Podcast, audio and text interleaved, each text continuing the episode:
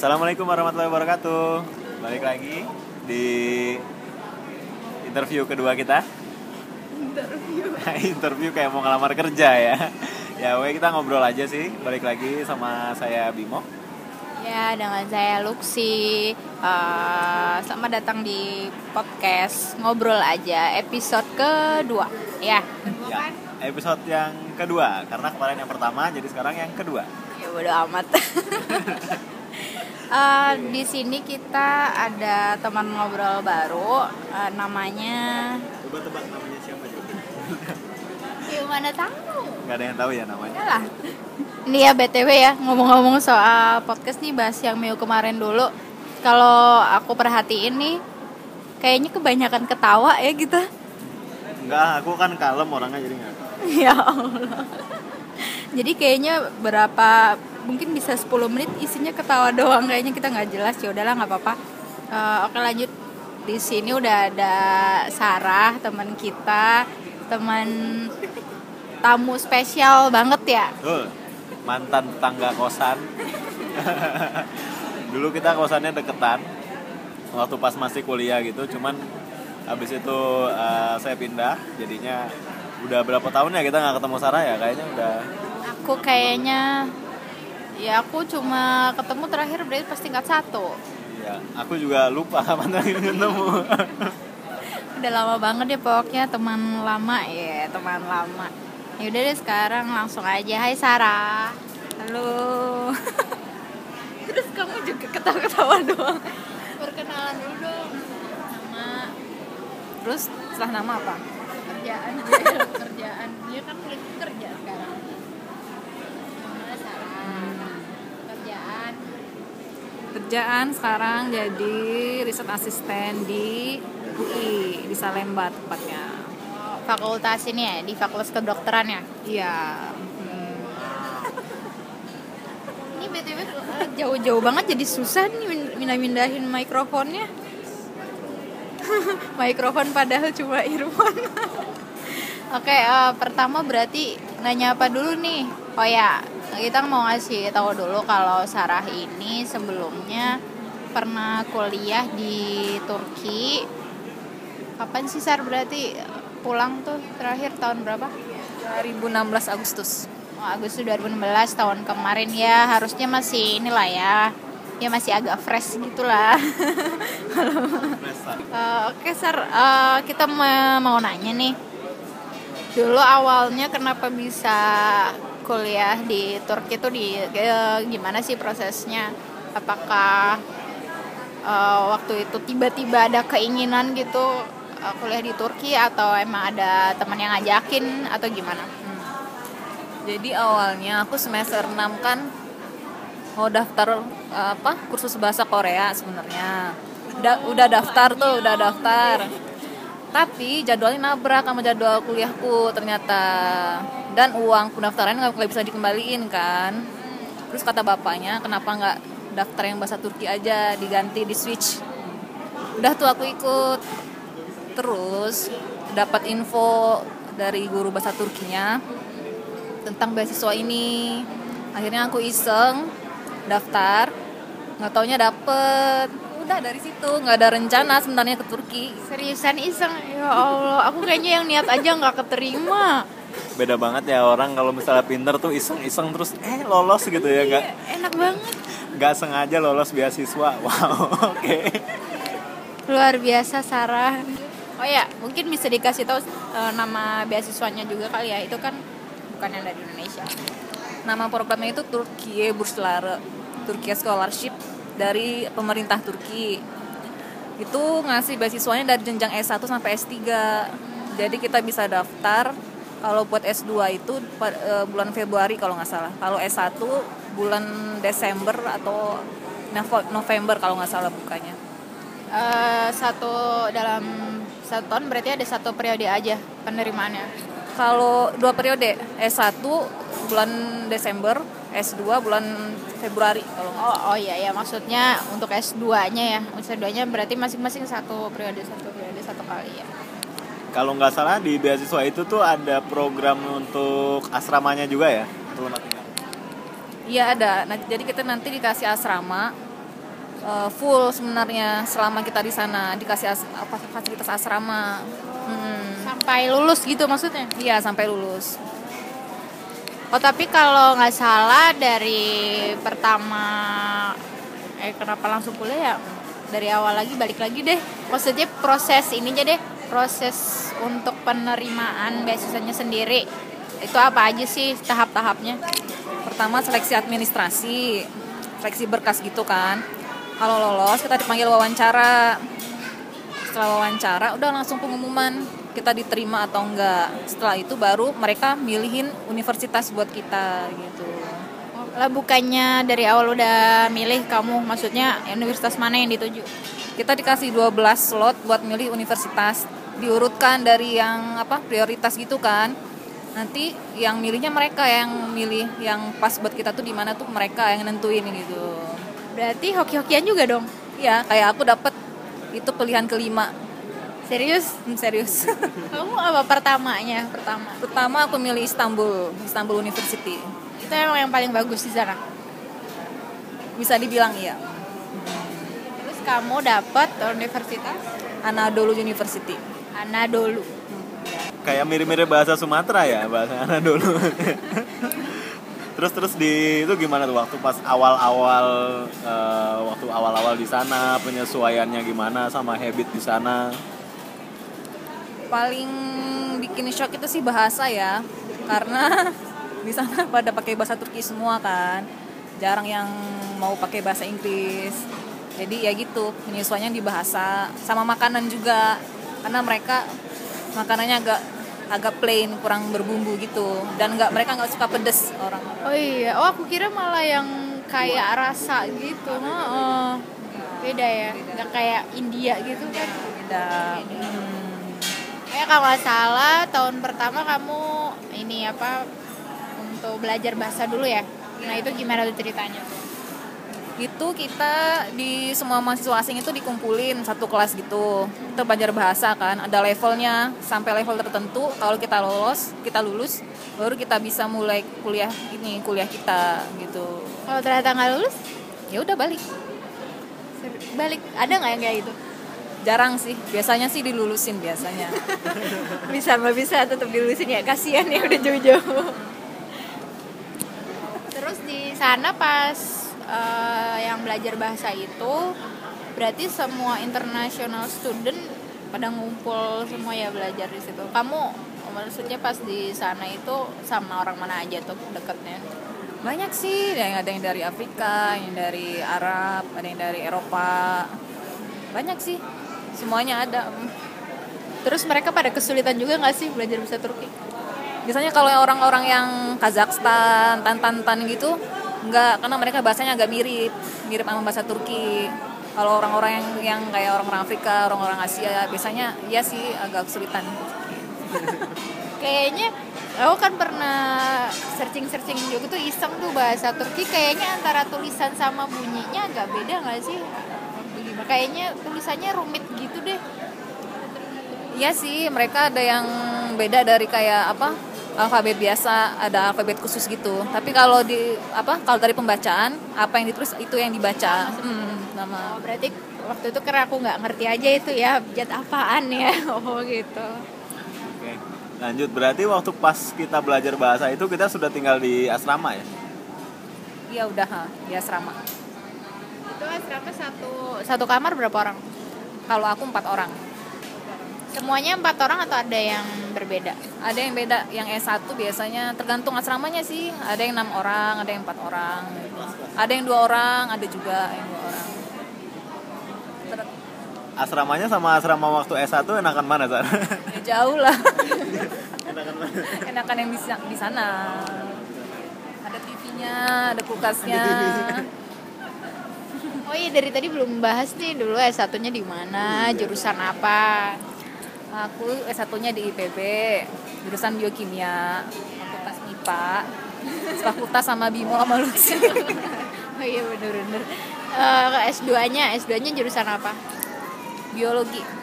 Tapi khusus lebih apa ke mikrobiologi. Terus di sana yang orang Indonesia banyak nggak?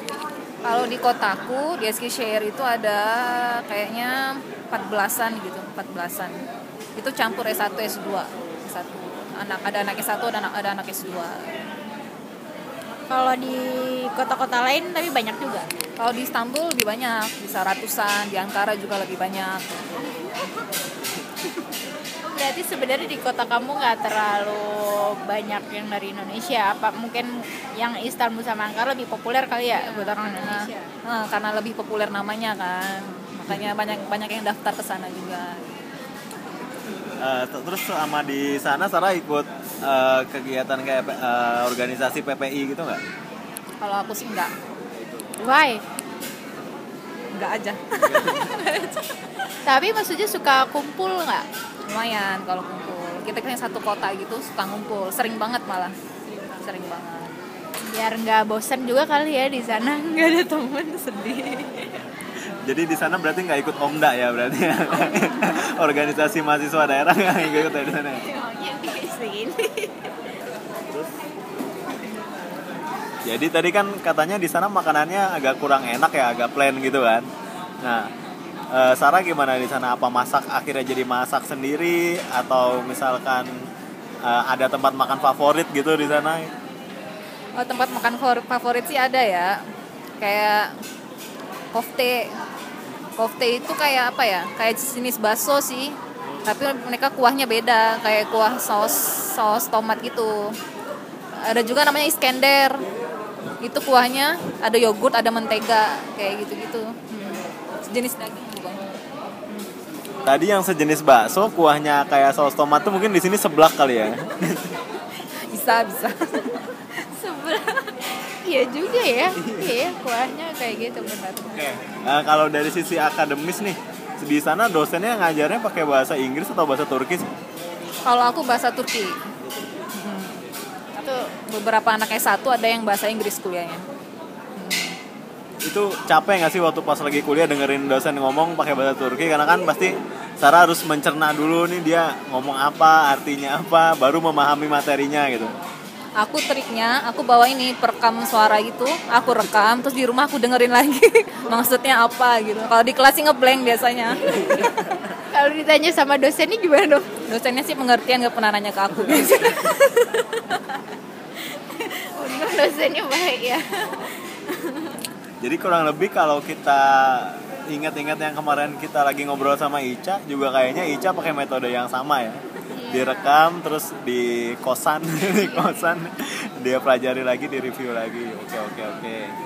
Terus kalau kayak tugas-tugasnya gimana tuh Sar? Tugas-tugasnya, ujiannya lebih berat waktu Sarah di kuliah di Indonesia S1 kah atau lebih berat waktu di sana? Kalau tugas sih lebih berat waktu di sana ya, karena banyak banget presentasi-presentasi gitu, disuruh bikin materi-materi gitu. Kalau ujian kayaknya lebih enak di Turki, karena mereka nanyanya tuh nggak nggak iseng gitu loh, bener-bener to the point, pas gitu loh, kayak gitu pokoknya gitu aja sih. Ya, oke oke. Oh, berarti kalau lebih dari ujian enak di sana ya sebetulnya. Padahal kita mikirnya wah kayaknya waktu pas zaman kuliah, waktu pas misalnya bikin laporan-laporan praktikum gitu kayaknya udah berat banget ya. Berarti ternyata kuliah di sana jauh lebih berat dari itu ya, Sar ya. Terus kalau pas ini tesis, itu kan tadi kuliah tuh. Kalau tesis gimana tuh? Kamu waktu itu apakah perlu ngambil data gitu ke Indonesia atau di sana aja atau gimana? Kebet- Kebetulan aku pakai sampel ini terasi, tauco sama ini pasir laut gitu kan. Akhirnya aku pulang dulu buat ngambil itu tauco, terasi sama pasir laut Indonesia. ampun, balik cuma. Iya, sama air laut Indonesia, air laut pantai gitu. Terus di sana baru dibawa ke lab gitu. Hmm, buat dicari bakterinya. Itu berapa lama kamu proses untuk membuat tesis sampai beres sidang? Hmm, setahun sih kira-kira. Tapi kalau buat nge-labnya itu 6 bulan yang intensnya, 6 bulan buat nge-lab.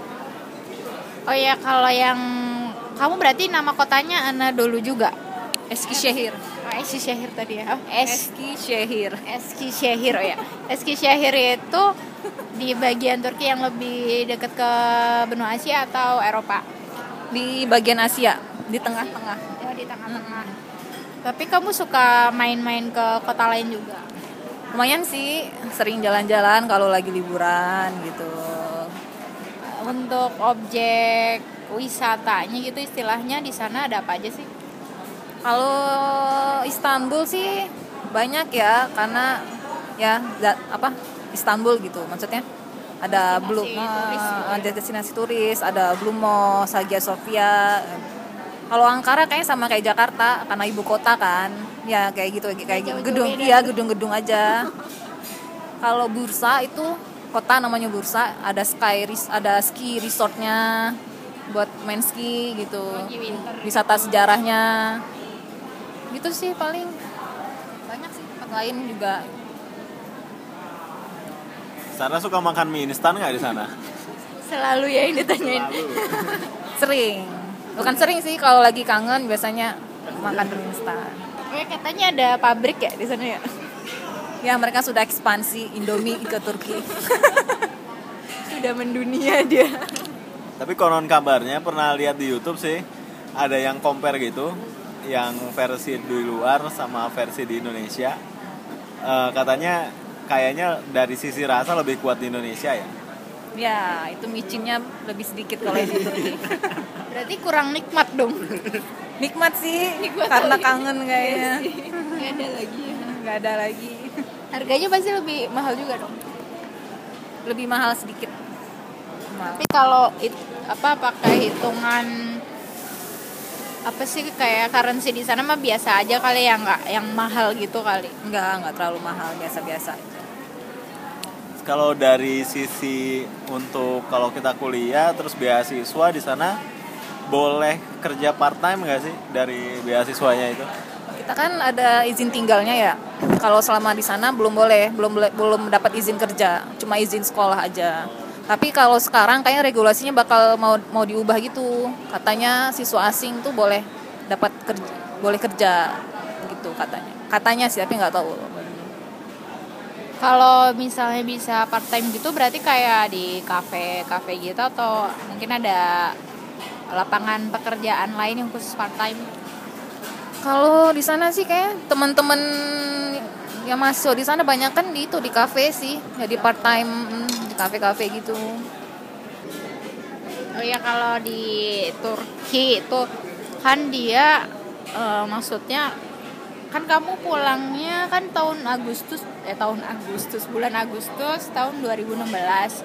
Nah kalau nggak salah tahun 2016 tuh kan kalau nggak salah banyak ada kejadian kayak suicide bomb kayak serangan ser- bukan serangan ya kebanyakan kayaknya bom bunuh diri gitu ya.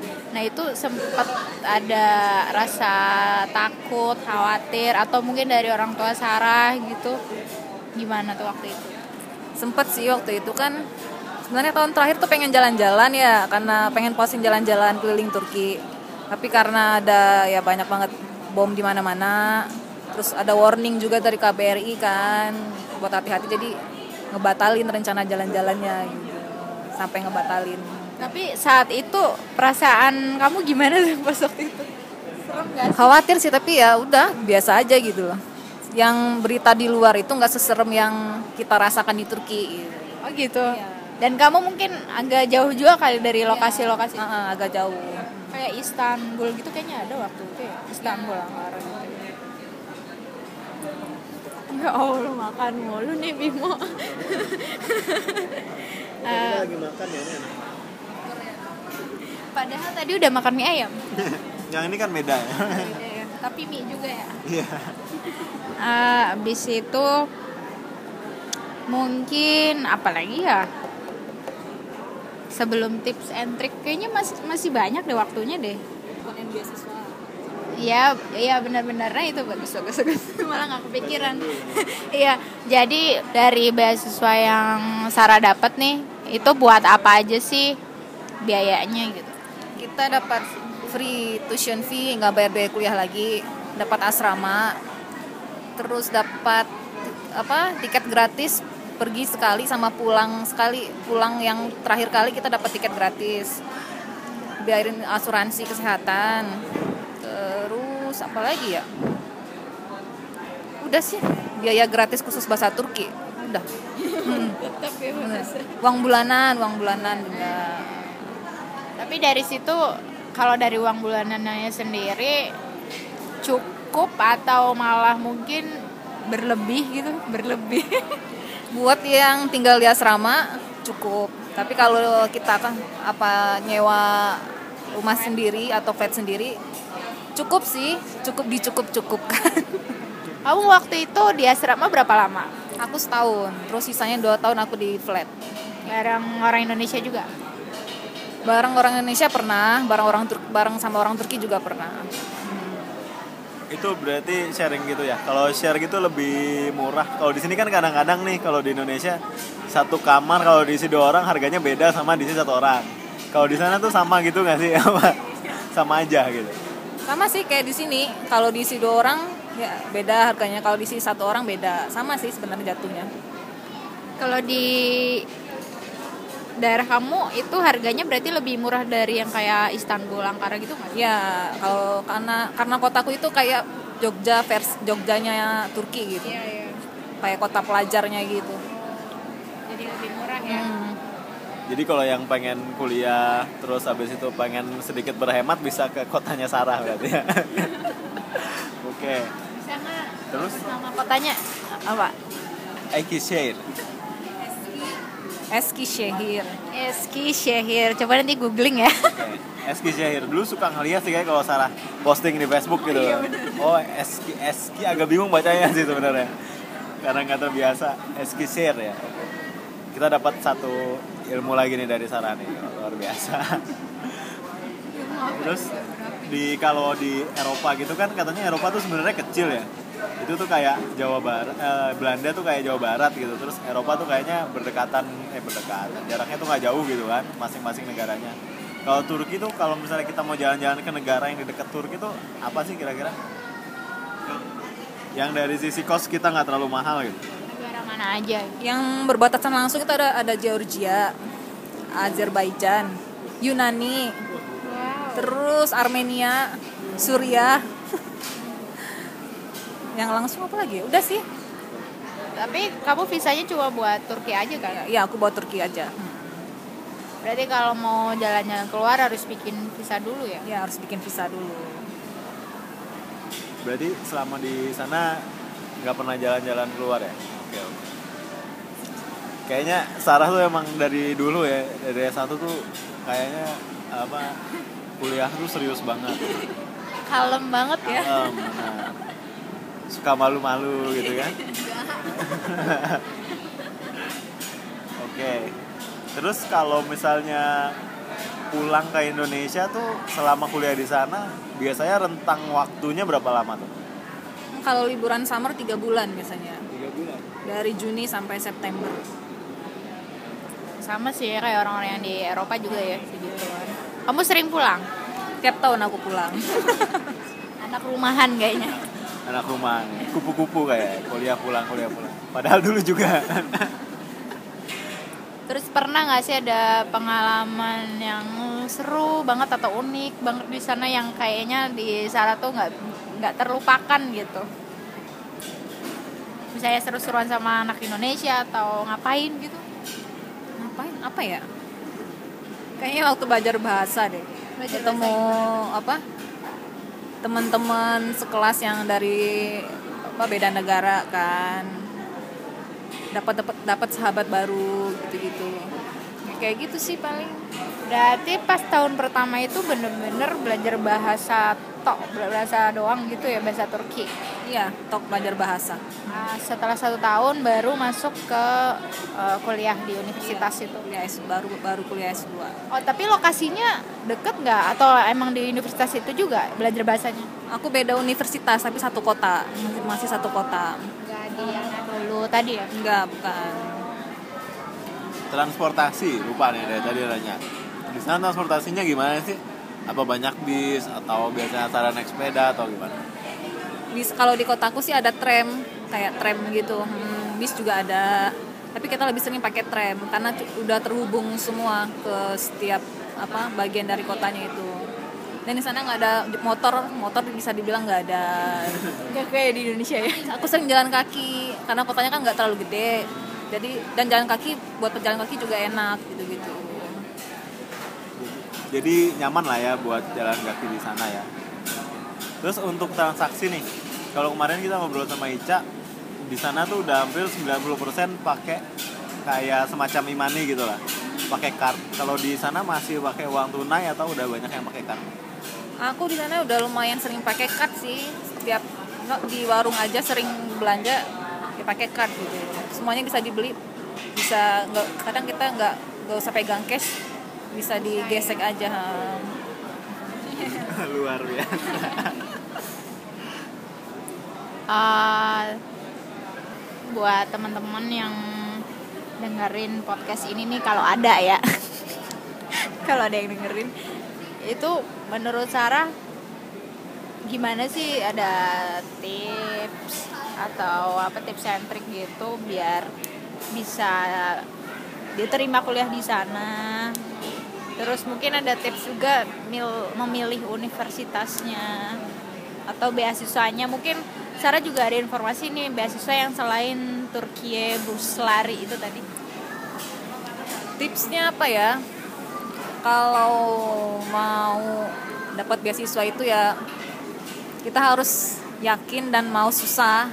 Jangan patah semangat di awal dulu gitu. Tapi kamu tadi katanya iseng. Ya padahal Sarah iseng-iseng ya. Iya. ini katanya disuruh serius. Berarti kalau orang lain serius Sarah iseng-iseng. Isengnya Sarah seriusnya kita berarti. Apa ya? Karena kan banyak apa proses admin- administrasinya itu panjang ya lumayan ribet. Jadi ya harus diseriusin juga kalau mau ini gitu kalau mau dapat Ya, tapi ada kuota nggak sih untuk satu periode itu? Misalnya untuk S2 nya gitu. Kalau kuota kayaknya kurang tahu deh. Tapi ke- dari tahun ke tahun buat orang Indonesia itu naik terus kuotanya kalau nggak salah. Pas angkatan kamu berapa orang S2 yang untuk S2 30-an kayaknya ada. Lumayan ya. Hmm, 30-an. Selain beas- beasiswa Turki, banyak sih pemerintah Korea, pemerintah Jepang gitu-gitu, pemerintah Taiwan. kok ada sih dari pemerintah itu Korea gitu Kok bisa Kan ada Korean Government Scholarship KGSP kalau nggak salah. aku baru tahu itu untuk semua negara bisa Iya, untuk semua negara. aku baru tahu kurang gaul Iya, aku juga baru tahu. Luar biasa ya. Jadi Sarah ini dia iseng-iseng aja dia bisa tahu banyak ya. Kalau kita udah serius banget tahunya itu-itu aja. Oke. Oke, udah kali ya. Atau Sarah ada yang mau disampaikan lagi nggak tentang Turki? Mungkin Apa ya tentang Turki ya? atau tentang kuliah di sana gitu. Maksudnya eh, kenapa sih? Eh mungkin ini kali ya di Turki kenapa apa gimana tingkat pendidikannya di sana, kualitas universitas-universitas di sana. Kalau dari kualitas ada juga univ yang biasa aja, ada univ yang bagus. Tapi kalau di tempatku labnya tuh udah bagus banget, udah lengkap banget gitu. Dari segi fasilitas mereka udah jauh, udah jauh lengkap banget buat dari di Indonesia. iya dari di Indonesia. Kalau buat dosennya juga kalau menurutku mereka lebih terbuka pemikirannya, lebih mau menerima saran-saran kita, lebih mau menerima masukan dari anak bimbingannya gitu. Dan mereka nggak susah nggak susah dicarinya, nggak kayak di sini. Udah sih paling kayaknya dari kita itu aja. Mudah-mudahan ada manfaat yang bisa diambil sama teman-teman. Eh, mudah-mudahan juga eh, makin banyak kita ngobrol sama orang, makin banyak ilmu yang kita dapat. Amin. Oke. Dari saya cukup. Mungkin dari Luxi ada ya closing statement yang ingin ditambahkan? Closing statement apa coba? Ya udah kali ya sekian untuk podcast episode kedua ini. Jadi podcast kali ini kita udah dapet ilmu dari Sarah nih yang pernah kuliah di Turki. Nah harapannya di podcast podcast berikutnya kita bisa dapat teman ngobrol yang baru lagi, eh, ilmu yang baru lagi, dan semoga bermanfaat untuk teman-teman yang dengerin. Oke, sekian dari kami. Dadah. Assalamualaikum warahmatullahi wabarakatuh. Assalamualaikum warahmatullahi wabarakatuh.